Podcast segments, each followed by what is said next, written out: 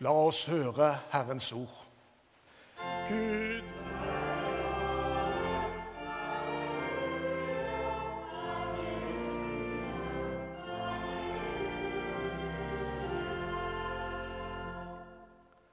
Dette hellige evangelium står skrevet i Johannesevangeliet i det 20. kapittel. Thomas, en av eh, de tolv, han som ble kalt Tvillingen, var ikke sammen med de andre disiplene da Jesus kom. Vi har sett Herren, sa de til ham. Men han sa, dersom jeg ikke får se naglemerkene i hendene hans og får legge fingeren i den og stikke hånden i siden hans, kan jeg ikke tro. Åtte dager senere var disiplene igjen samlet, og Thomas var sammen med dem. Da kom Jesus mens dørene var lukket. Han sto iblant dem og sa, 'Fred være med dere.' Så sier han til Thomas, 'Kom med fingeren din. Se, her er hendene mine.' 'Kom med hånden og stikk den i siden min.' 'Og vær ikke vantro, men troende.' 'Min Herre og min Gud', sa Thomas. Jesus sier til ham, 'Fordi du har sett meg, tror du.' Salig er de som ikke ser og likevel tror. Jesus gjorde også mange andre tegn for øynene på disiplene, tegn som de ikke er skrevet om i denne boken. Men disse er skrevet ned for at dere skal tro at Jesus er Messias, Guds sønn, og for at dere ved troen skal ha liv i hans navn. Slik lyder Herrens ord.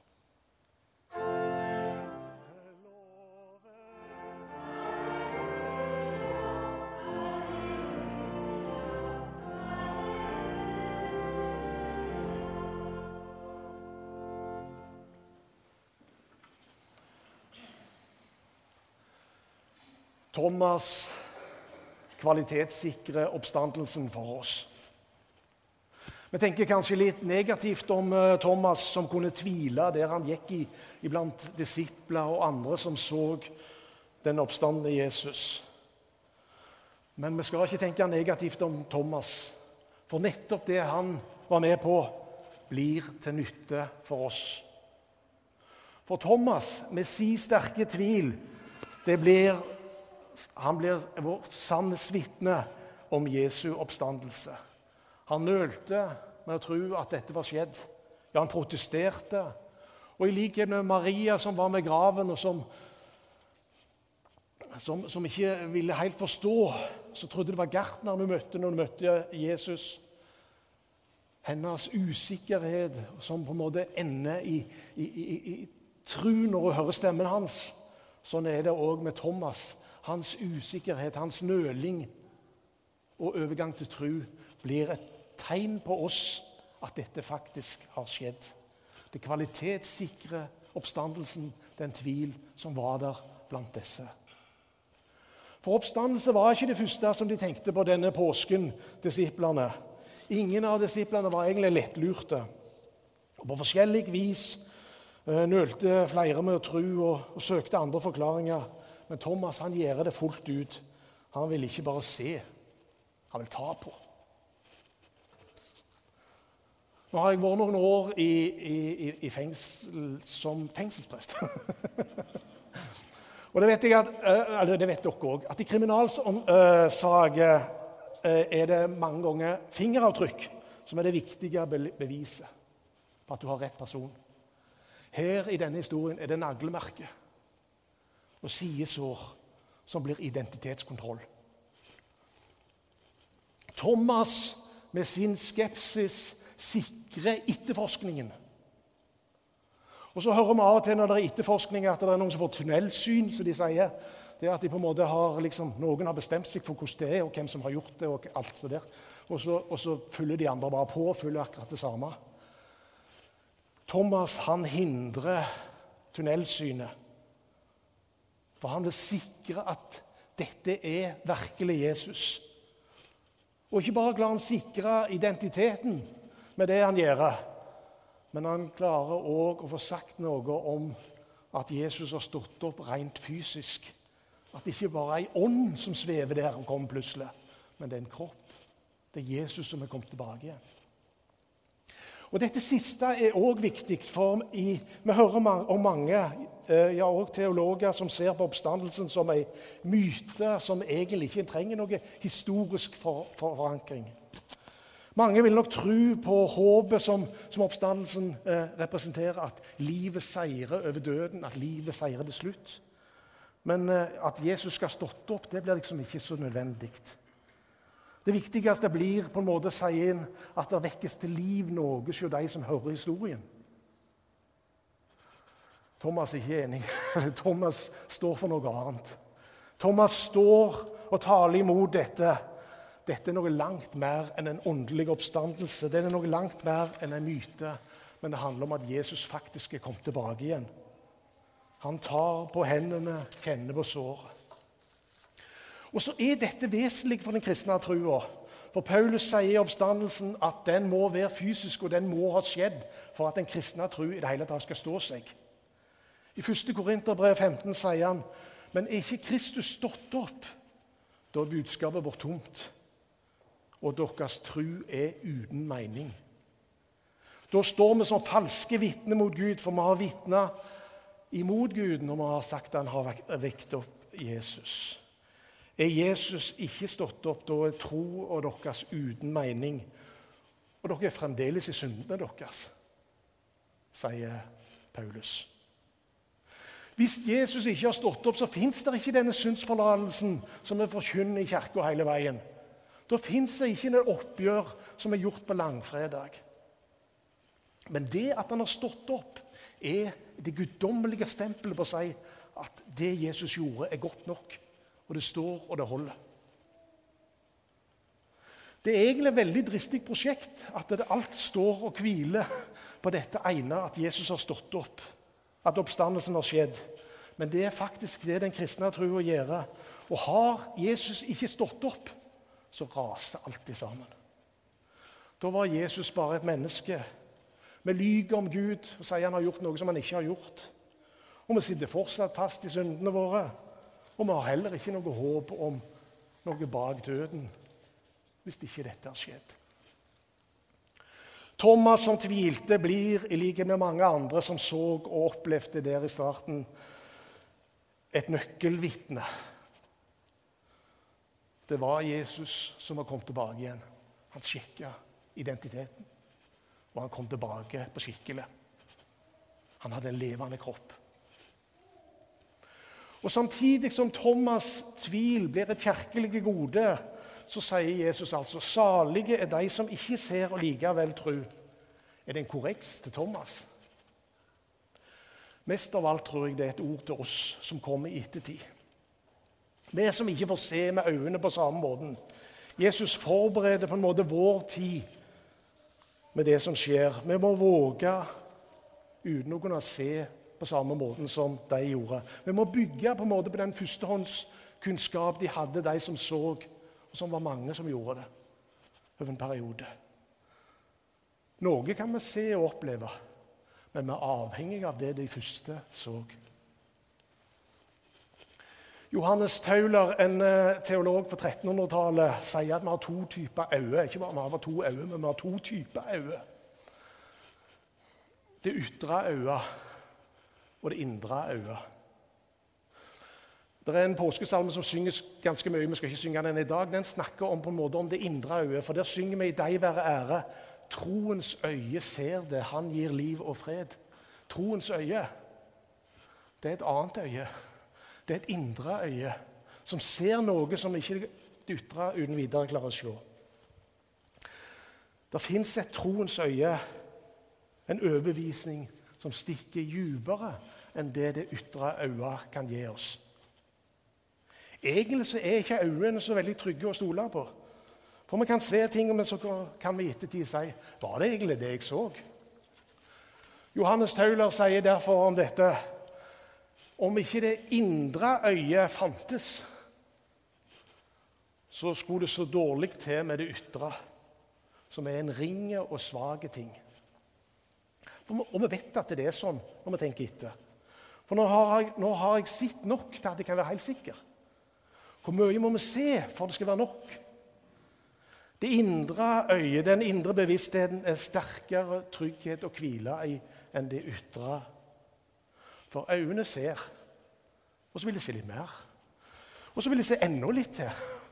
For det var ikke sikkert det var heller var nok.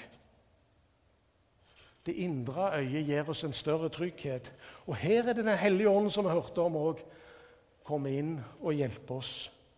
Først disiplene hjalp dem til å se noe mer enn det ytre. Og så oss til å se, kunne holde fast i en trygghet som er mer enn dette ytre. Tru handler om å våge det som en ikke ser. Visshet om ting som ikke kan ses, leser vi i Hebreabrevet 11. kapittel, som skildrer alle de som tog, eller mange av de som tok en risiko fra Abraham og fram gjennom, gjennom bibelhistorien. Satsa på Gud uten å kunne ha den helt synlige, håndfaste sikkerheten framfor seg hele veien. Så sier Jesus altså til oss Salig de som ikke ser med det ytre øyet og likevel tror. Men vil vi det? For vår tid har mange ganger et problematisk forhold til sannheter som vi ikke har funnet ut av sjøl. Vi vil se og oppleve sjøl. Vi vil ikke godta det andre har sett. Vi vil finne ut av ting. Vår tid er preget av protest mot sannheter som på en måte kommer til oss. Det gir seg utslag i, også i de bibelske sannheter, underet, jomfrufødsel og oppstandelse. Notto Telle, som en, en eh, teolog som har vært professor Professor emeritus heter de fint, de der, som har slutta av. Han er professor, eh, og han har sagt noe i siste blad av Tørst. Han sier at vi er, vi er preget av 200 års opplysningstenkning etter opplysningstida. Modernitet og kritisk refleksjon. Vi er blitt opplært til å være tvilens store mestere. Og Samtidig så viser han en vei i det han sier videre. Men så kan det hende at vi vender tilbake igjen til barnetrua, kanskje til en annen slags naivitet. Barnetru kan være vanskelig å snakke om, sier han. For det, det kan virke som man ikke tenker seg om. Men jeg tenker i dag skal vi snakke om det. Ikke lenge, bare, men jeg setter strek under det. For vi har nå døpt Marlene her og hørt ordene der Jesus sier at de små er vårt forbilde i det å komme inn i Guds rike. Og da er det, det på mange vis, men det er òg dette at fornuften og forståelsen som vi tviholder på, kan faktisk òg bli en hindring for at vi beveger oss inn i Guds rike. Den holder oss tilbake og holder oss fast i oss sjøl. Den barnlige tilliten er annerledes. Den er tar ting sånn som det er, og stoler på det. Og Den hellige ånd ønsker å hjelpe oss med denne trua som, som, som eh, er barnlig Salig er de som ikke ser og likevel tror. Jeg tror det er en utfordring til oss om ikke å være barn av vår tid, men å våge den vanlige tillit og bli barn av Gud. For hvis tru skal bygges på fakta, hva blir det da igjen som vi kan kalle tru? Salige er de som ikke ser og likevel tror. Målet er at trangen til bevis og protest mot sannheter vi ikke kan dokumentere, byttes mot en overgivelse. Og Da skjer det òg samtidig et annet bytte. Det skjer et skifte av tyngdepunkt, der vi beveger oss vekk fra oss sjøl og vårt kontrollbehov over det Han som har lovt han skal vise og overbevise. Så lenge vi sitter der og skal forstå og alt, så sitter vi med tyngdepunktet i oss sjøl. Idet vi på en måte slipper dette og overgir det til Gud, så flyttes tyngdepunktet over til Han. Jesus utfordrer oss til å tro uten å se med det vanlige øyet. Men han er like interessert i at vi skal komme til tro som han var med Thomas. Thomas var en enkel person, eh, og Jesus tok bryet med å gå denne ekstrarunden med ham. Og Sånn er det med oss òg når vi ærlig tviler og kjemper og skulle ha visst, når vi ikke ærlig ønsker og tro, Når det ikke bare er tvil vi bruker for å holde ting på avstand, men det er ærlig tvil som vi kjemper med for avklaring og oppklaring, så ønsker han å ta en runde ekstra med oss òg, sammen med Den hellige ånd, for å vise og overbevise. Den som ber, den som leiter, den som banker på, skal få svar. Og Han ønsker ikke bare at vi skal se sannheten, men han ønsker at vi skal følge sannheten. For når Jesus sier 'salig de som ikke ser og likevel tror', så utfordrer han oss ikke bare til å ha en overbevisning, men til å følge denne overbevisninga. For én ting er å ha tro, en annen ting er å tro. Salige er ikke de som har tro, men salige er de som tror. En ting er å ha en visshet, en annen ting er å leve i den. Derfor handler det ikke bare om å få en kunnskap om at Jesus har stått opp og lever, men det handler om å få en kjennskap om det gjennom livet. Salige er de som ikke ser og likevel tror, sier Jesus til oss. Men en dag, om litt mer enn åtte dager, sånn som det var for deg på den tida, en dag skal vi òg få se. Se ting som vi nok her og nå ikke ville kunne se og tåle fullt ut. En dag skal historien om Thomas gjenta seg òg for oss. Vi skal få se og oppleve det vi tror nå, at Jesus vant over døden.